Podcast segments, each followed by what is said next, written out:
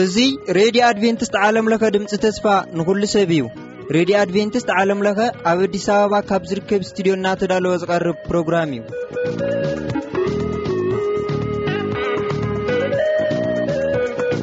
በብዘለኹም ምኾንኩም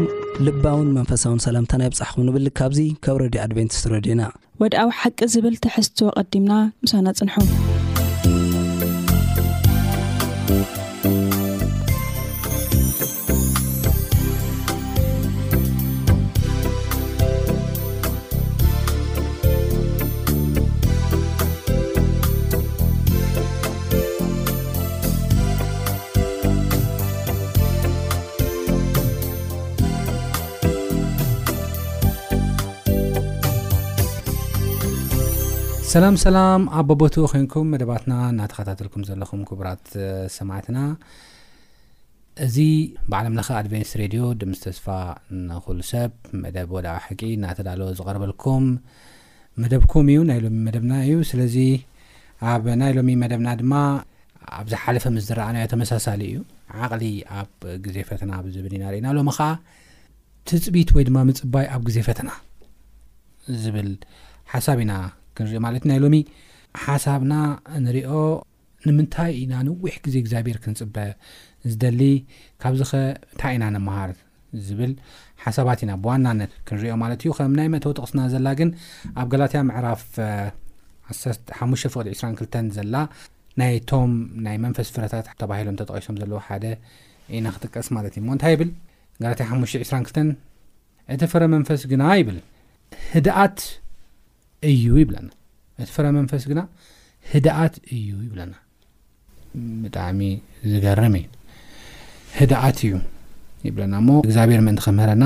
ሕፅር ዝበለ ጸሎት ክንጸሪ ኢና ኣብ ሰማያ ትነብር ቅዱስ እግዚኣብሔር ኣምላኽና ስለዚ ግዜን ሰዓትን ነመስግነካ ኣለና ሕጂ ድማ ቃልካ ከፊትና ኣለና እሞ እስኻ ከተምህረና ክትመርሓናን ንልምነካ ኣለና ዝተረፈ ግዜናን ሰዓትናን ባርኮ ብጎይታና መድሓና የሱስ ክርስቶስ ስም ኣሜን ኣሜን ሓራይ ሎሚ ሓሳብ ክባና ሓፍትና ሰላም መብራህቶን ሓፍትና ችቹን ምሳና ኣለዋ ፃውዒትና ኣኽቢርክን ስለ ዝመፃኽን እግዚኣብሔር ይባርኽክን ብምባል ናብ ትሕቶታተይ ክኣቱ ናይ ሎሚ ሕቶይ ናይ መጀመርያ ሕቶይ ሮሚ ምዕራፍ 15 ፍቕዲ 4 እዩ ዘሎ እሞ እዚ ጥቕሲ እዚ እንታይ እዩ ዝብለና? እግዚኣብሄር ትዕግስትን ምጽንናዕን ከም ዝሃበና እዩ ዝዛረብ ዘሎ እሞ እንታይ ክብል ደልዩ እዩ ኣብዚ ጥቕሲ እዚ እንታይ እዩ ዘምህረና? ምጽባይ ወይ ድማ ህድኣት ክብል ከሎስ እንታይ ማለት እዩ ዝብል ሓሳብ እስኪ ንርእዮ። ሓፍትና ሰላም ናባኺ እየ። እሺ ብትዕግስትን ብምጽንናዕን ጽሑፋት ተስፋ ምእንቲ ክኾነልና እቲ ቀደም ዝተጻሕፈ ዘበለ ኩሉ ንምህሮና እዩ ዝተጻሕፈ። ግናኸ ሓቢርኩም ብሓደ ኣፍ ኮይንኩም ንኣምላኽ፣ ንሱ ኸኣ ኣቦ ጐይታና የሱስ ክርስቶስ ምእንቲ፣ ከተኽብሩስ፣ እቲ ናይ ትዕግስትን ምጽንናዕን ኣምላኽ ኣብ ንሓድሕድኩም፣ ከምቲ ኣብ ክርስቶስ የሱስ፣ ጌርኩም ሓደ ሓሳብ ክትሓስቡ ሓደ ሓሳብ ክትሓስቡ ይሃብኩም። ይብለና ማለት እዩ። እወ ሕጂ እዚኣ ትምህብ ብዛዕባ ትዕግስትን ኢና ንዛረብ ዘለና። ስለዚ ትዕግስትስ ቀሊል ነገር ኣይኮነን። ማለት ብዛዕባ ሓደ እትጽበዮ ነገር ወይ ከኣ ብዛዕባ ሕጂ ክኾነልካ እትጽበዮ ነገር እግዚኣብሄር ተዓገስ ክብለካ ከሎ ቀሊል ነገር ኣይኮነን። ግን ብጸጋ ኣምላኽ እቲ ናይ ትዕግስትን ምጽንናዕን ኣምላኽ ኣብ ንሓድሕድኩም እዩ ይብለና። ስለዚ እግዚኣብሄር ናይ ባዕሉስ ናይ ትዕግስትን ናይ ምጽንናዕን ኣምላኽ ምዃኑ ኢና ካብዚ ንርኢ ዘለና ማለት እዩ። ስለዚ እቲ ትዕግስትሲ ብጸጋ ኣምላኽ ምዃኑ ኢና ንርኢ ዘለና። እግዚኣብሄርሲ ጽንዓት ከም ዝበና ትዕግስቲ ከም ዝበና ኢና ንምሃር ድልና ማለት እዩ ኣብ መዝሙር ሰላሳን ሸውዓተን እንተሪእና እንታይ ይብለና ኣብ መዝሙር ሰላሳን ሸውዓተን ሸውዓተ ማለት እዩ ንእግዚኣብሄር ሃዲእካ ተጸበዮ በቲ ብመገዱ ዝሰልጠሉ በቲ ሕሱም ሃቐና ዝፍጽም ሰብ ኣይትኾሪ ይብለና ማለት እዩ ስለዚ ማለት ሕ- ሓደ ግዜ በቃ ትሪኦ እሞኒ እቲ ብጠዋዋይ መገዲ ዝኸይድ ኩሉ ነገር ክሰልጠሉ ከሎ ትርኢ እስኻ ከ በቲ ቁኑዕ መገዲ ክትከይድ ከለኻ ከኣኒ ነገራትካ ኩሉ በቃ ክነውሕ ከሎ ክበላሾ ከሎ ንርኢ ግን እንታይ ይብል ኣሎ ኣብዚ ዳዊት ክዛረብ ከሎስ ንእግዚኣብሄር ሃዲእካ ተጸበዮ በቲ ብመገዱ ዝሰልጠሉ በቲ ሕሱም ሃቐና ዝፍጽም ሰብ ኣይትኾሪ ይብለና ማለት ስለዚ በቲ ምድራዊ ነገርሲ ክንጠላለፍ ከም ዘይብልና ንእግዚኣብሄር ሃዲእና ክንጽበዮ ከም ዘለና እዩ ዝነግረና ማለት እዩ ምናልባት እኮ እቲ ንጽበዮ ዘለና ነገር እግዚኣብሄር ዘደንጉዮ ዘሎ ንሰናይ ነገርና እዩ ማለት እዩ ኩሉ ግዜ ከኣ ከምኡ እዩ ማለት እዩ። በቲ ናይ እግዚኣብሄር መገዲ ክንከይድ ከለና እቲ እንጽበዮ ነገር ዝድንጒ እግዚኣብሄር ንረብሓና ስለ ዝደልዮ እዩ ማለት እዩ። ስለዚ ንእግዚኣብሄር ሃዲእና ክንጽበዮ ከም ዘለና በቶም ክፉእ እንዳገበሩ ዝሰልጦም ነገር ክንቀንእ ከም ዘይብልና እዩ ዝነግረና ማለት እዩ። ኣብ ካልእ እውን ሕልፍ ኢልና ተሪእና እውን እንታይ ይብለና በቃ ዳዊት ክርኢ ከሎስ እቶም ክፉእ ዝገብሩ ኩሉ ነገር ክሰልጠሎም ከሎ ኩሉ ነገር ክመልኣሎም ከሎ እዩ ዝዛረብ ማለት እዩ። ግን ደሓር ግን ከም ዝብተኑ በቃ ከም ዝጠፍኡ ክዛረብ ከሎ ኢና ንርኢ ማለት እዩ። ስለዚ ንእግዚኣብሔር ሃዲእና ምጽባይና ኩሉ ነገር ንሰናይ ምዃኑ ኢና ካብዚ ንመሃር ማለት እዩ። ጎይታ ይባርኽኪ ሓፍትና ሰላም ብጣዕሚ ደስ ዝብል ሓሳብ ኢኺ ሂብክና እዛ ኣብ ሮሜ ምዕራፍ ዓሰርተ ሓሙሽተ ፍቕዲ ኣርባዕተን ሓሙሽተን ዘንበብኪ ሓሳብሲ ኣብኣ ዋና ሓሳብ ትብላ ነገር ኣላ ንሳ እንታይ እያ ኣምላኽናሲ ናይ ትዕግስቲ ኣምላኽ እዩ ናይ ምጽንናዕ ኣምላኽ ውን እዩ ምጽንናዕ ናቱ እዩ ትዕግስቲ ውን ናቱ እዩ በቃ መበቆላ ሰብኣይ ኣብ- ኣብ እግዚኣብሔር ኣምላኽና እዩ ዝብል ስለዚ እዚ ናይ ምጽንናዕን ናይ ትዕግስትን ኣምላኽ ከዓ ትዕግስትን ምጽንናዕን ክኾነልና ብፅሑፋት ከም ዝሃበና ብህይወት ውን ከም ዘሰልጥነና ዘሎ ኢና ንርኢ ማለት እዩ እሞ ትዕግስቲ ቀሊል ኣይኮነን እንዲያም ኣብዚኣ ሓንቲ ሓሳብ ጥራሕ ክውስኽ እሞ ናብታ ቀጻሊት ሕቶይ ክኣቱ ብእብራይስቲ ሲ እዚ ትዕግስቲ ዝብል ቃልሲ ወይ ድማ ምጽባይ ዝብል ቃልሲ እንታይ ኢሉ እዩ ዝትርጉሞ መስለኪ በቃ ቱ ቢ ፔይንድ ማለት እዩ ቱ ቢ ፔይንድ በቃ ኣብ ቃንዛ ምእታው ማለት ከም ዝኾነ ምቑሳል ማለት ከም ዝኾነ ሳሮፉል ማለት ከም ዝኾነ ኣብ ብራይስ ሓደሓደ ፅሑፋት ክፅሕፍ ከሎ ኢና ንርኢ ማለት እዩ ሙቕሊል ከም ዘይኮነ ይፈልጥ እዩ ግን እቲ ናይ ትዕግስቲ ኣምላኽ ባዕሉ ትዕግስቲ ከም ዝህበና ኣኽኣሎ ከም ዝህበና ብፈተና እውን ክንሓልፍ ከም ዘኽእለና እዩ ሓሳብ ይኩና እግዚኣብሔር ይባረኪ ናብታ ዝቕፅል ሕቶ ከኣቱ እሞ ሓፍና ሽቹ ናይ እግዚኣብሔር ግዜ ንብሎ ነገር ኣሎ ብብሂል ጥራሕ ዘይኮነ ኣብ መፅሓፍ ቅዱስ እግዚኣብሄር ናይ ግዜ ኣምላኽ ምዃኑ ገላትያ ምዕራፍ 4 ፍቕዲ 4 ኣብቲ ምዱብ ግዜኡ ንወዱ ለኣኾ ዝብል ሓሳብን ከምኡ ናብ ዳንኤል ምዕራፍ 9 ፍቕዲ 24 ኬድ ክትርኢ ኣለዋን እውን እግዚኣብሄር ብዛዕባ ሰብዓ ሰሙን እስራኤላውያን መዓስ ካብ ባቢሎን ከም ዝወፁ ካብ እስራኤል ካብ ምርኮ ባቢሎን ምስ ወፁ ክሳብ ናይ ክርስቶስ ምጽኣት ዝዛረቦ ትንቢት ዝዝርግሖ ነገራት ኣሎ እሞ ናይ ግዜ ጉዳይ ኩሉ ብግዜ ዝገብር ኣምላኽ ምኻኑ እዩ ዝነግረና እሞ እዚ ንዓና ብፍላይ ኣብ ንጽበየሉ እዋን ብግዜ ፈተና ኣብ ንሓልፈሉ እዋን ንክንጽበን ብትዕግስቲ ድማ ንክንመላለስን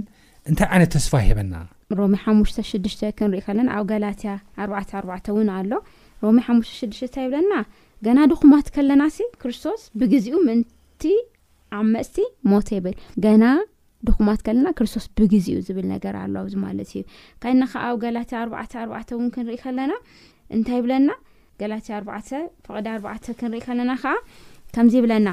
ምልኣት ዘመን ምስ መፀ ግና ነቶም ትሕቲ ሕጊ ዘለው ተሻይጡ ምእንቲ ከውጽኦም ንሕና እውን ውሉድነት ምእንቲ ክንረክብሲ ኣምላኽ ነዚ ካብ ሰበይቲ እተወልደ ትሕቲ ሕጊ እውን ዝኾነ ወዱ ለኣኾ ይብል ምልኣት ዘመን ምስ በጸሐ ይብል ማለት እዩ ኣብቲ ከኣ ብግዜኡ እዩ ዝብል ማለት እዩ ኣዚ ንኣምላኽ ግዜ ኣሎ ማለት እዩ ናይ ሰብ ግዜ ኣሎ ማለት እዩ ሰብ ብባዕሉ ዓቕሊ የብሉን ኣቃል ኣይኾነን ሰብ ብባዕሉ ማለት ምጽባይ ዝበሃል ነገር ብጣዕሚ እዩ ለብሎ ንኣብነት ሕዚ ዋላ ኣብዚ ኣዲስ ኣበባ ክንሪኢ ከለና ከም ኣብነት ንውሰድ እሞ ታክሲ ክትጽበይ ሪጋ ይህሉ እዩ ሕዚ ዓቕለ ጽበት እንታይ ትገብር ሰብዚ ዓቕሊ ስለ ዘይብሉ እንታይ ይገብር ነቲ ሪጋ ነዊሕ ምዃኑ ስለ ለበለ ገገሊኡ ብእግሩ ይኸድ ገገሊኡ ከዓ ደው ኢሉ እቲ ካብ ሕጊ ወፃኢ በቃ ተ- ተ- ተሸርህልኹ ገለ ኣቋሪፁ ገለ ክኣቲ ኢሉ ፈቱ ማለት እዩና ሰብ ብተፈጥሮኡ ምፅባይ እዚ ግዜ ዝበሃል ነገር እዚ ምፅባይ ዝበሃል ነገር ትዕግስቲ ምግባር ዝበሃል ነገር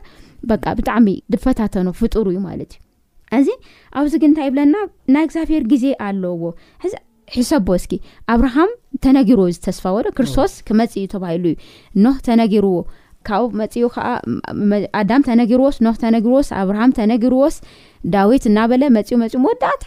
በቲ ምዱብ እቲ ግዜ ምልኣተ ዘመን እግዚኣብሔር ዝበሎ ምልኣተ ዘመን ከም ልመጸ ኢና ንርኢ ማለት እዩ እና ሕዚ ክርስቶስ ንኣና ክሞተና ልመጸሉ ግዜ ይነግረና እቲ ዝመጾ ግዜ ከዓ በቲ ናቱ ብኣምላኽ ኣሰራርሓ በቲ ናቱ ኣምላኽ ትልሚ ከም ዝኾነ ንርኢ ማለት እዩ እና እዚ ትክክለኛ ግዜ እዩ ኢሉ እቲ ምክንያት ኣይነግረና ግን እቲ ዋና ውሱን ግዜ እቲ ምዱብ ግዜ ግን እሱ በዓሉ እቲ ትክክለኛ ግዜ ከም ዝኾነ ይነግረና ማለት እዩ እና ክንደይ ሽሕ ዓመታት ይወዲሉ ወዶ ኣሽሓት ዓመት ዳርጋ ኣርባዕተ ሽሕ ዓመት ወዶ ኣርባዕተ ሽሕ ዓመት ምድሪ ካብ ዝተሰረተት ዝሓረ እዩ ክርስቶስ ናብ ምድሪ ካብ ንመፀ ንነግረና መፅሓፍ ቅዱስና ክንቆፅሮ ከለና እና እዚ ንምንታይ ኮይኑ ክንብል ከለና እግዚኣብሄር ናይ በዓሉ ዝኾነ ምዱብ ግዜ ከም ዘለዎ ኢና ንርኢ እብን ኣብ ናብ ዳንኤል ትሽዓተ ክንርኢ ከለና እስራ ኣርባዕተ ጀሚርና ክንርኢ ና ሕዚ እውን ና ክርስቶስ የሱስ ናይ መስ መስሒ ምምፃእ እኳ ኣውንዮ እዩ እስራኤል ከዓ ካብ ቦትኦም ናብ ተሰዲዶም ከምዝኸዱ ሳብ ዓመት ኣኡ ከም ዝኾኑ እውን ኣሎ ማለት እዩ እዚ ክትርኦ ከለካ ነዊሕ እዩ ዝመስል ግን ምክንያት ኣለዉ ክትፅበይ እንተለካ መንፈሳዊ ዝኾኑ ምክንያታት ኣሎ እግዚኣብሄር ተፀበይ ጽናህ ክብለካ ከሎ መንፈሳዊ ዝኾኑ ምክንያታት ኣሎ እዚኣቶም ምክንያት ንርኢ እቲ መጀመርያ እቲ ናትና ትኩረት ካብ ነገራት ኣልዕልና ናበይ ክንገብር ናብ እግዚኣብሄር ክንገብር ይገብረና ምፅባይ ማለት እዩ ምፅባይ ኣብ ምፅባይ ኣብ ትዕግስቲ ኣብ ምፅባይ ውሽጢ ሓደ እሱን እዮ ማለት እዩ ካልኣይ ከዓ ናትና ድሌትን እቲ መልዐሊ ዝኾነ ሓሳብና እንተዘይኾነስ እቲ ድልየትናን እቲ መልዐሊ ሓሳብናስ ግዜ ይህበና ማለት እዩ። ሰርዒና ክነቕምጦ፣ ስርዓት ክነትሕዞ ማለት እዩ። ኣየኑ ነቐድም ኣየኑ ኢና ነድሕር ልብል ክንርኢ ማለት እዩ። እቲ ሳልሳይ ከኣ መንፈሳዊ ዝኾነ ነገርና ንክዓቢ ማለት ኣብ ውሽጥና ጥንካረ ክህሉ ክጥንክር ክረድአና ይኽእል እዩ። እቲ ራብዓይ ሓሳብ ከኣ እንታይ እዩ? ምጽባይ ማለት እምነትና ኣብ እግዚኣብሄር ክንእመን ጥራይ ይገብረና እዩ። ሓምሻይ ሓሳብና ከኣ እንታይ እዩ? እግዚኣብሄር ዓብዪ ከም ዝኾነ ካብቲ ዕቤት እግዚኣብሄር ዝተላዕለ ከኣ ኣብቲ ቃና ዘለዎ ነገር ከኣ ክንዳየነ ንኡሳት ከም ዝኾኑ ካብ ዕቤት እግዚኣብሄር ዝተላዕለ ንርኢ ይገብረና ማለት እዩ። ሓምሻይ ትሻርሻይ ናይ መወዳታን ከኣ እቲ ንጽበዮ ምክንያት ኣይንፈልጥን ንምንታይ ኣብ ንጽበይ እኳ ምክንያቱ ኣይንፈልጥ ንኾን ኢና ግን ብእምነት ምንባር እንታይ ንገብር ኢና ንመሃር ኢና ማለት እዩና ስለዚ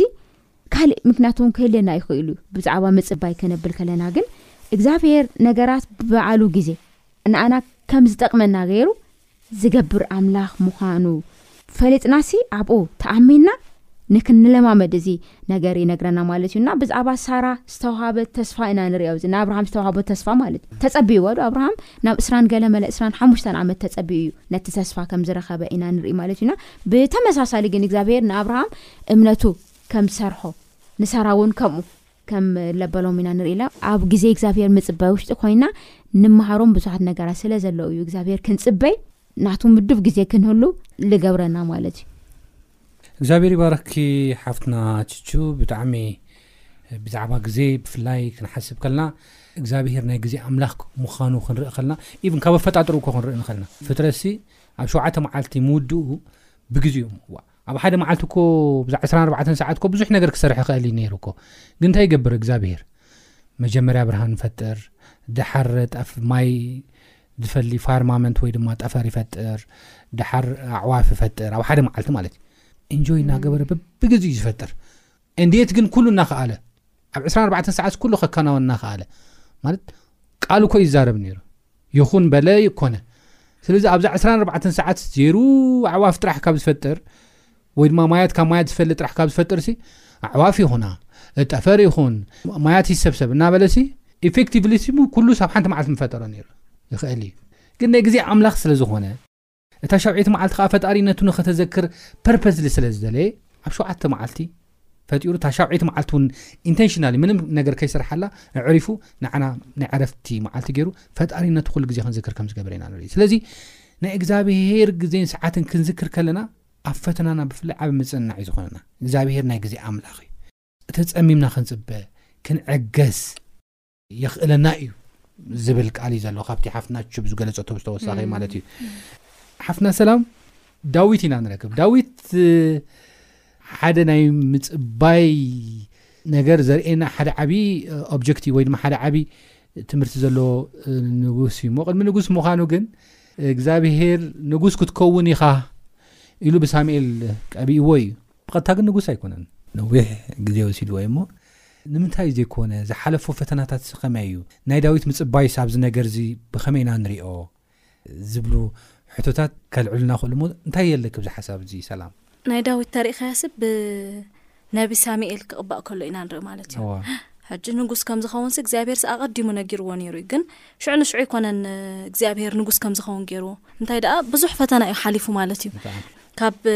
ሳኦል እቲ ዝዓበየ ፈተንኡ ካብ ሳኦል ክሃድም ከሎ ኢና ንርኢ ማለት እዩ ብብዙሕ ግዜ በቃ ክሃድም ከሎ ካብኡ ኢና ንርኢ ሳኦል ከዓ የሳድዶ ከም ዝነበረ ኢና ንርኢ ማለት እዩ እንደገና እውን በቃ በገና ይሃርም ከም ዝነበረ ናይ ንጉስ ቦታ ክሕዝ ዝግብኦ ሲ እንታይ ደኣ በገና እንዳሃረመ ናይ ጳውሎስ ዝርብሾ ዝነበረ ክፉእ መንፈስ ንዑ ክዕግስ ኢሉስ ብታእሽሙ ዝሃርመ ይፃወት ከም ዝነበረ ኢና ንርኢ ማለት እዩ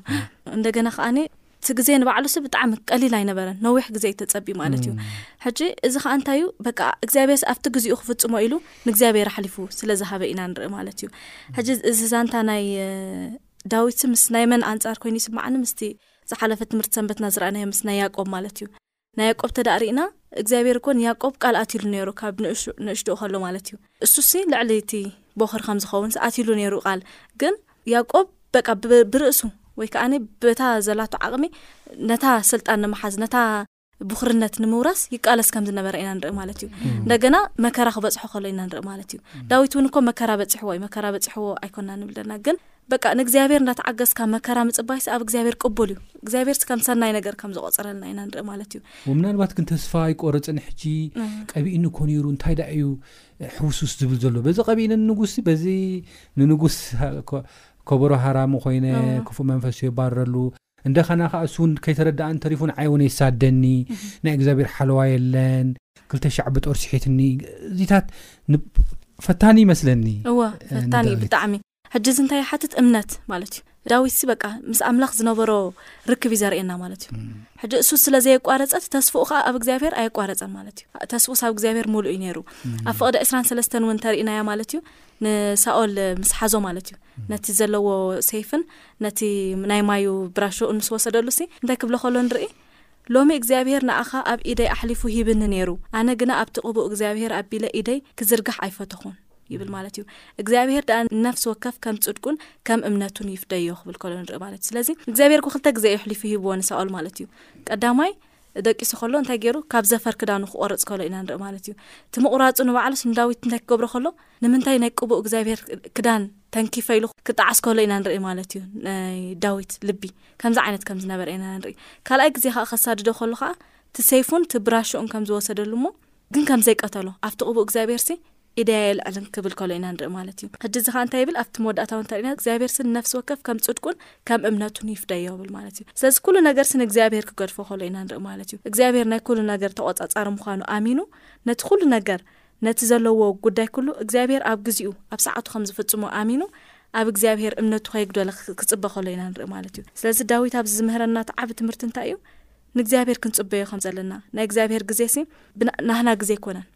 ማለት ከምቲ ንሕና ንጽበዮ ኣይኮነን ኣብዚኣ ጽብቕቲ ኣብነት ሂቡ ኣሎ ሓንቲ ሓጻር ንእሽተይ ተኽሊ እንተርኢናን ሓንቲ ዓባይ ገረብ ተርኢናንሲ ዝተፈላለየ ግዜ እየን ዝወስዳ ንኽዓብያ ልክዕ ከምኡ ከኣ ኣብ ሂወትና ከኣኒ በቲ ናህና ጉያ ወይ ከኣ በቲ ናህና ዓቕሚ እንድሕር ደኣ ክንጎይ ጀሚርና በቃ እቲ እግዚኣብሄር ዝረኣየልና ዓቢ በረኸት ንኸስሮ ኢና ማለት እዩ ግን ናይ እግዚኣብሄር ግዜ እንተ ደኣ ተጸቢና ልክዕ ከምታ ዓባይ ገረብ ንኽትዓቢ ንኽትበቁል ብዙሕ ማይ ዘድልያ ብዙሕ ግዜ ምጽባይ ዘድልያ ልክዕ ከምኡ ከኣ ሂወትና ከኣ ከምኡ ይኸውን ማለት እዩ። እግዚኣብሔር ይባርኽኪ ብጣዕሚ ዝገርም እዩ ናይ ዳዊት ኣ ማለት ሕጂ እቲ ምስዳዱ ጥራሕ ዘይኮነ እቲ ግዜ ንባዕሉ ግዜ ይኸይድ እዩ ነይሩ ካብ ዕለት ናብ ዕለት እናተሰደደ ግዜ ይኸይድ እዩ ነይሩ ግን ዳዊት ብዓቕሊ እሞ ከዓ ናይ እግዚኣብሔር ፍቓድ እናፈፀመ ብዘይ መረረት ኣብ ዝሓለፈ ዓቕሊ ማለት ብዘይ መረረት ምፅባይ እዩ ምፅማም ኢልናዮ ነርና ሞ ከየማረረ ንኣምላኽ እናመስገነ እናዘመረ ከሕልፎ ከሎ ኢና ንርኢ እንታይ ዓይነት ዓቕሊ እዩ ዝገርም እዩ ኣይ ቲንክ ኣብ ግብራራት መራፍ 13 እውን እግዚኣብሔር ንዳዊት ከም ልበይ ዝበሎም ብዘይ ምክንያት ኣይመስለንን ኣዝዩ ፍሉይ ዝኾነ ስብእና ስለ ዝነበሮ ይመስለኒ ናብ ኤልያስ ድማ ክንመፅእ ኤልያስ ሓደ ካብቶም ዓብ በይቲ ነቢያታት ኣብ መጽሓፍ ቅዱስ ተጠቒሶም ዘለዉ እዩ እሞ ኤልያስ እውን ምስቶም ናይ በዓል መልእኽቲ ዝነበሮ ነገራት ስዒርዎም ብዙሓት ናይ ጣኡ ዘምልኹ ዝነበሩ ንበዓል ዘምልኹ ዝነበሩ ሰባት ኣቕቲሉ ስዒሩ ነቲ ህዝቢ ናብ ኣምላኹ እግዚኣብሔር ኣምላኽ ኣምላኽ ምዃኑ መሰረዮም ሽግር ከም ዝገጠሞ ኢና ንርኢ እሞ ክሃድም ከሎ ኢና ንርኢ ሽግር እዚ ገጢሞ ኣብ ግብራራት ነፍሱ ከም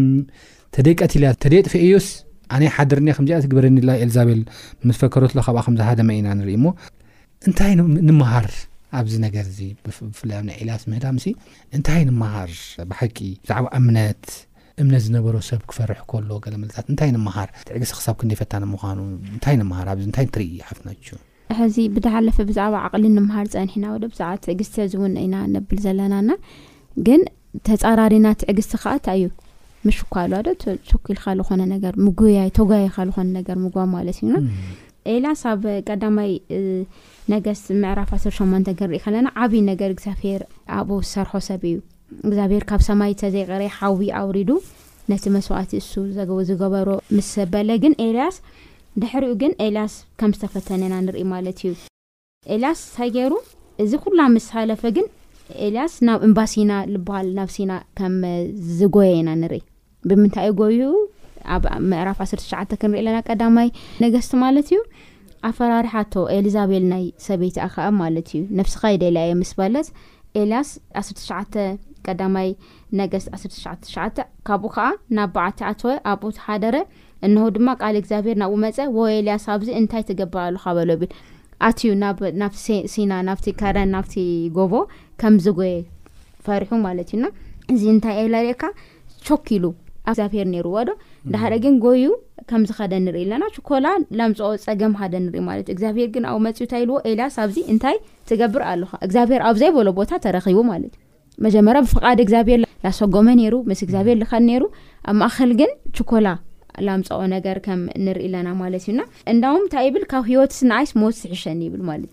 ካብ ሞት ንሰባት ከምልጥ ንብዙሓት ከድህን እግዚኣብሄር ተጠቂምዎስ ብዙሕ ነገር ምስ ገበረ ግን እንታይ ይብል ካብ ህይወት ሞት ትሕሸኒ ኢሉ ክልምን ከሎ ንርኢ ማለት እዩና እዚ ሓዚ ታሪክ እዚ ሲ እንታይ ኣርእና ና ኤልያስ ናይ ምሽካል ኩኔታ እንታይ የረእየለና ሓና ክንሓፅዝ ከለና ክንጓየ ከለና ብነገራት ሲ ኣብ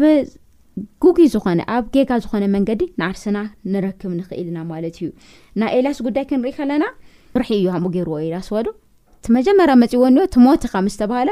ፍርሒ ስዒርዎ ማለት እዩ እቲ ናይ እግዚኣብሄር ሓይሊ ኩሉ ኣቢልዎ ክጎይ ከለዎ ንርኢ ማለት እዩና እግዚኣብሄር ካብ ላእና ዘዳለየና ናይ እግዚኣብሄር ሓሳብ ናይ እግዚኣብሄር መደብ ቀልጢፍና እንታይ ንገብ ሸተት ንብል ማለት እዩ ኤልያስ ኣሞይ ገይሩ ናብ ፍርሒ ሓደ ዓብይ ንክንሽኩል ንክንጎያይ ዝገብረና ሓደ ማለት እዩ ካሊእ ግን ኣብዘ ፍጥረት ኣስር ሽዱሽተ እውን ንርኢ ኢና ወዶ ናይ ሳራና ናይ ኣብርሃም ሳራ ኣብርሃምን ሳራን ኣብቲ ና ተስፋ ምድሪ እግዚኣብሄር ኣብለውለው ምድሪ ዓሰርተ ዓመት ምስ ፀንሑ ሳራ እንታይ ትብል ኣይ ኣባይ ገይሩ ተስፋ ክፍፀም ኣይኽእል እዩ ስለዚ ክድ ናብ ኣጋር ትብሎ ዳሓደ ኣብርሃም እውን ፈኲ ኣሎ ንኣኡ ከካይድ ከሎ ኢና ንርኢ ኣብ ካሊእ ከዓ ኣብ ዘዳግም ክንርኢ ከዓ ብመሳፍንቲ ክንርኢ ከለና ሳምሶን ንሪኦ ወዶ ሳምሶን ከዓ ናብ ታምና ታምና ለብሉ በሃል ወረደ ኢሉ ኣብኡ ካይዱ ነታ ደሊላ ትበሃል ምስ ሰረየ እንታይ ገይርዎ ኣንተ ንስኻ ኣብዚ ኣብ ሰብ እግዚኣብሄር ዘለዎ ቦታ ሰብ ዲኻ ስኢንካ ምስ ተባሃለ ኖ ምዛ ሰብ እዚኣ እንታይ ገበሩ ኣመርዑኒ ኢሉ ከብል ከሎ ኢና መወዳእታ እና ሶምሶሙን እውን ናብ ሞት ከም ዝኾነ ኢና ንርኢ ማለት እዩ እና ኣብ ማቴዎስ እውን ከምኡ ኣሎ ኣብ ማቴዎስ እንታይ እኒኦ እዛ ደቂ ዘብድዮስ ክልቲኦም ደቃ ሒዛ መፃ እንታይ ገይራ ኣቦ እንታይ ግበረና ነዞም ደቀይሲ ኣንግሰለይ ባ ኣብ ጎንኻ ገለ ክነግሱ እዮም ወዶ ግን እዚ ኩሉ ዘርእየና ነገር እንታይ እዩ ካብ እግዚኣብሔር ሓሳብ ፈጢንካ ናብ ባዕልካ ሓሳብ ምቅዳም ማለት እዩ ምጽባይ ዘይ ኣቕለ ኣቕለ ጽበት እዚ ናይ ምጽባይ ዘይ ካብ ምጽባይ ተጓያይካ ተኸዶ መንገዲ እዩ ማለት እዩ እዚ ካብ ምጽባይ ተጓያይካ ተኸዶ መንገዲ ኩሉ ግን ድሓር እንታይ ይገብረና ማለት እዩ ካብ ሓሳብ ኣምላክ ትርቅ ይገብረካ በቃ ንኾነ ነገር ውሽጥና ይደሊ ይደሊ እሞ በቃ በዚኣ ክኸንየና ኢና ካብ ኣምላኽ መፅሓ ሓሳብ ንወፅእ ማለት እዩና ምናልባት እዚ ክንገብር ከለና ለለ ንባዕልና ክንታልል ንኽእል ኢና እዚ እዚ ኤልያስ ታይ ኢሉ ንእግዚኣብሔርስ ንኣምላኽ እግዚኣብሔርስ ታይ ገይረ ቀንዐ ኢሉ ቅንዒ እዩ ከምኡ ገይሩኒ ካይዱ ተሓቢኡሲ ንሽምካ ቀንዒስ ከምዚ ገይረ እዩ ይብል ማለት እዩ እና ከይሓሰብና ግን ኣብቲ ኣብ እግዚኣብሔር ሃሳብ ርሒቕና ኣብ ናባዕልና ሃሳብ ደው ክንብል ይገብረና ማለት እዩ እና እዚ ሓደጋ እዚ ዝከላኸል መንም የለን እዚ ሓደጋ እዚ ዝከላኸል ነገር የለን ግን እቲ ቁልፊ እቲ ዋና መፍትሒ ዝርከብ ግን ኣበይ እዩ ከለና ሕና ከም ዘፍቅረና ኣብ ንፈልጦ ጎይታ ካብኡ ከዓ ንኣና ዘብል እቲ ሰናይ ዘብል ንኣና ሰናይ ዘብል ነገር ዝፈልጠና ኣምላኽ ኣብ ምሕረቱን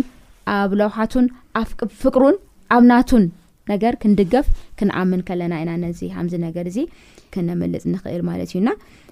እዚ ብሓደ ሻዕ ሰኡሉ ዝክሰት ነገር ኣይኮነ ማለት እዩ እምነት ዋላ ዝውሃበካ ውህበት እዩ ዋዶ እምነት ውህበት እዩ ዋላ እንተኾነ ግን ክዓቢ ኣለዎ ማይ ክተስትዮ ኣለካ ዘሎ ነገር መለእሉ ኣለካ ፍረ ከፍሪ ተኮይኑ ማለት እዩና ብእምነት እናተለማመድና ካብ እቲ ካብ ሓሳብ ኣምላክ ከይንወፅእ ፍርሒ ዝተፈላለየ ነገር ካብ ኣምላኽ ሓሳብ ከየውጸና ክንከናኸን ከም ዘለና እዩ ዝነግረና እዚ ሓሳብ። እግዚኣብሔር ይባርኽኪ ሓፍትና ቹቹ ብጣዕሚ ደስ ዝብል ሓሳብ ኢኺ ሂብክና ብፍላይ ምሽኳል ወይ ድማ ምህዋኽ ትብል ኢልካ ታሽ ምግባር ኣብ ክንደይ ፍርሕን ኣብ ክንደይ መጠረጣርን ከም ዝውደቅካ ዘርኢ ሓሳብ እዩ ናብ ናይ መወዳእታ ሕቶይ ክመፅእ እዛ ናይ መወዳእታ ሕቶይ ኣብ መዝሙር ዳዊት ምዕራፍ 37 ዘሎ ሓሳብ እዩሞ ብእግዚኣብሄር ተሓጎስ ልብኻ ዝደልዮ ውን ንሱ እንታይ ክገብረካ እዩ ክበካ እዩ እዩ ዝብል ልብኻ ዝደልዮ ንሱ ክበካ እዩ ዓብ ተስፋ እዩ እሞ ኣብዚ እዚ ዳዊት ዝዘመሮ እዩ ከምቲ ዓንቶይ ዝበለክዮ ዳዊት ዝዘመሮ መዝሙር እዩሞ ከመይ ጌርና ኢና ከም ህዝቢ ኣምላኽ እዚ ዓይነት ተስፋ ክንለማመዶ ኣብ ሂወትና ንኽእል ብእግዚኣብሄር ምሕጓስ እንታይ ማለት እዩ ከመይ ጌርና ኢና ከ ክንለማመድ ንኽእል ብሓፈሻኸ እቲ መዝሙር ሰላሳን ሸውዓተን ዳዊት ዝዘመሮ መዝሙር ብኸመይ ኢኺ ትርእዮ? እንታይ ዓይነት ትሕዝቶ ኣለዎ ካብዚ ወጻኢ? በታ ናይ መወዳእታ ሕቶ ዝጀመ ዝበልካዮ እሞ ክጅምር እንታይ ኣብዚ ኣብ ምንታይ እዩ ጽሒፍዎ ዳዊት ተይልናሲ ኣብ ብጣዕሚ ብክፉኣት ሰባት ተኸቢቡ ከሎ እዩ ብንኣምላኽ ዘየኽብሩ ሰባት ንዑ ከዓ ብዙሕ ዝብድልዎ ዝነበሩ ሰባት ተኸቢቡ ከሎ እዩ ፅሒፍዎ ኣብታ ፍቐዲ ሓደ እንተርኢናስ ከም ሰዓሪ ቀልጢፎም ክዕጸዱ፣ ከም ልምሉም ቆጽሊ ኸኣ ክጽምልዉ እዮም እሞ፣ በቶም ገበርቲ እከይ ኣይትኾሪ፣ በቶም ዓመጽቲውን ኣይትቕናእ ክብል ከሎ ንርኢ ማለት እዩ። ስለዚ እቶም ኣብኡ ዝነበሩ ሰባት ክፉእ ግብሪ ዝገብሩ ሰባት ከም ዝነበሩ ኢና ንርኢ ማለት እዩ። ግን እንታይ ይብል ኣብ ፍቕዲ ኣርባዕተ ተሪእና ብእግዚኣብሄር ተሓጐስ ልብኻ ዝደልዩ ንሱ ክበካ እዩ፣ መገድኻ ንእግዚኣብሄር ኣማዕቍቦ፣ ኣብኡ ተወከል ንሱ ኸኣ ከስልጠልካ እዩ ክብል ከሎ ንርኢ ማለት እዩ። ስለዚ እቲ ዝነበሮ ዅነታት ብእኩያት ሰባት ዝተመልአ እዩ ነይሩ። ግን ኣብዚ እንታይ ክብል ከሎ ኢና ንርኢ? በቃ ኣብ እግዚኣብሔር ክውከል ከሎ ኢና ንርኢ ማለት እዩ ብእግዚኣብሔር ክሕጎስ ከሎ ኢና ንርኢ ማለት እዩ ስለዚ ኣብ ከምዚ ዓይነት ኩነታት ወይ ከዓ ኣብቲ ርእስና እንተ ኣምፅናዮ ኣብ ከምዚ ዓይነት ኩነታት ምስ እንህሉ ብጭራሽ ሓጎስ ዝበሃል ብስጋዊ ነገር ክንሪኦ ከለና ክህልወና ኣይክእልን እዩ ግን ብኣምላኽ በቲ ናይ ኣምላኽ መልእኽቲ ክንሓስቡ ከለና እንታይ እዩ ሰላምን ዕረፍትን ሂበና ማለት እዩ ዳዊት ኣብ ከመይ ኩነታት እዩ ከምዚ ኢሉ እተይልና ከዓኒ እምነት ስለ ዝነበሮ ኣብ እግዚኣብሄር ከዓኒ ትውክልቲ ስለ ዝነበሩ እዩ ማለት እዩ እግዚኣብሄር ከመይ ዓይነት ኣምላኽ ምዃኑ ስለ ዝፈልጥ ዝነበረ እዩ ከም ዝብል ዘሎ ዳዊት ማለት እዩ። ኣብ ካልእ ተሪእና ከኣ እቲ ኣነ ዝበኩም ሰላም፣ እቲ ኣነ ዝበኩም ሓጎስ ከምቲ ዓለም እትበኩም ኣይኮነን ይብለና እዩ ክርስቶስ ማለት እዩ። እዚ ከኣ እንታይ የርእየና ብዓለም ክትሪኦ ከለኻ እቲ ሓጎስ ዝበሃል እንታይ ኩሉ ነገር ክመልኣልካ ከሎ ኩሉ ነገር ክሰልጠልካ ከሎ እዩ ግን ኣብዚ ዓለም እዚ ከዓ ብብዙሕ ነገር ብብዙሕ ፈተና ክንሓልፍ ከለና ዘይንደልዮ ነገር ከጋጥመና ከሎ ብእኩያት ነገራት ክንክበብ ከለና ዘይንደልዮ ኩነታት ክመፀና ከሎ ብሂወትና እምነትና ኣብ እግዚኣብሔር ክነጉድል ከም ዘይብልና ኢና ካብ ዳዊት ንመሃሮ ማለት እዩ። ሓጎስና ሰላምና ክውሰድ ከም ዘይብሉ ኢና ንመሃር ማለት እዩ። ምክንያቱ ኣብ ከምዚ ዓይነት ኩነታት እቲ ነገር እቲ እንድሕር ደኣ ውሽጥና ኣእቲናዮ እቲ ነገር እቲ እንተ ደኣ ኣብ ልብና ቦታ ሒዙ ግድን እዩ ክርብሸና ማለት እዩ። ብዛዕባኡ እንተ ደኣ ክነስተንትን ውዒልና ብዛዕባ እቲ ዘጋጥመና ዘሎ ሕማቕ ነገር እንተ ደኣ ክንሓስብ ውዒልና ሰላምናን ሓጎስናን ክውሰድ ግድን እዩ። ግን ኣብዚ ነገር እዚ ዳዊት ብዛዕባ እግዚኣብሔር እዩ ከስተንትን መሪጹ ማለት እዩ። ብዛዕባ እግዚኣብሄር፣ እግዚኣብሄር ማዕረ ክንደይ ሓያል ምዃኑ፣ ንእግዚኣብሄር ሃዲኡ ክጽበዮ ከም ዘለዎ፣ መወዳእታ ናይ እግዚኣብሄር ዓወት ምዃኑ ስለ ዝኣመነ ከኣ ኣብ እግዚኣብሄር ክውከል ከሎ ንርኢ ማለት እዩ። ስለዚ እግዚኣብሄር ናይ ኩሉ ነገር ተቖጻጻሪ ምዃኑ ክንፈልጥ ከም ዘለና፣ ኣብ እግዚኣብሄር ነገራትና ክንድርቢ ከም ዘለና፣ ክንውከል ከም ዘለና ኢና ካብዚ ንመሃር ማለት እዩ። ኣብቲ ዘጋጥመና ነገርሲ ሓጎስ ዝበናስ እግዚኣብሄር ምዃኑ ኣሚንና ነቲ ነገር እቲ ክንሰግሮ ከም ዝግብኣና ኢና ንመሃር። እግዚኣብሔር ይባርክን እግዚኣብሔር ይባርክን ብጣዕሚ ደስ ዝብል ሓሳብ ይኽን ይብክናና ክቡራ ሰማዕቲ ዝነበረና መደብ ከም ተባረኽኩም ተስፋ ንገብር ንዘለኩም ሕቶ ወይ ርእቶ በቲ ልሙድ ኣድራሻና ናብ ዓለም ለኸ ኣድቨንስ ሬድዮ ድምፂ ተስፋ ንኩሉ ሰብ ቁፅሪ ሳፅን ፖስታና 145 ኣዲስ ኣበባ ኢትዮጵያ ወይ ድማ ቁፅሪ ስልክና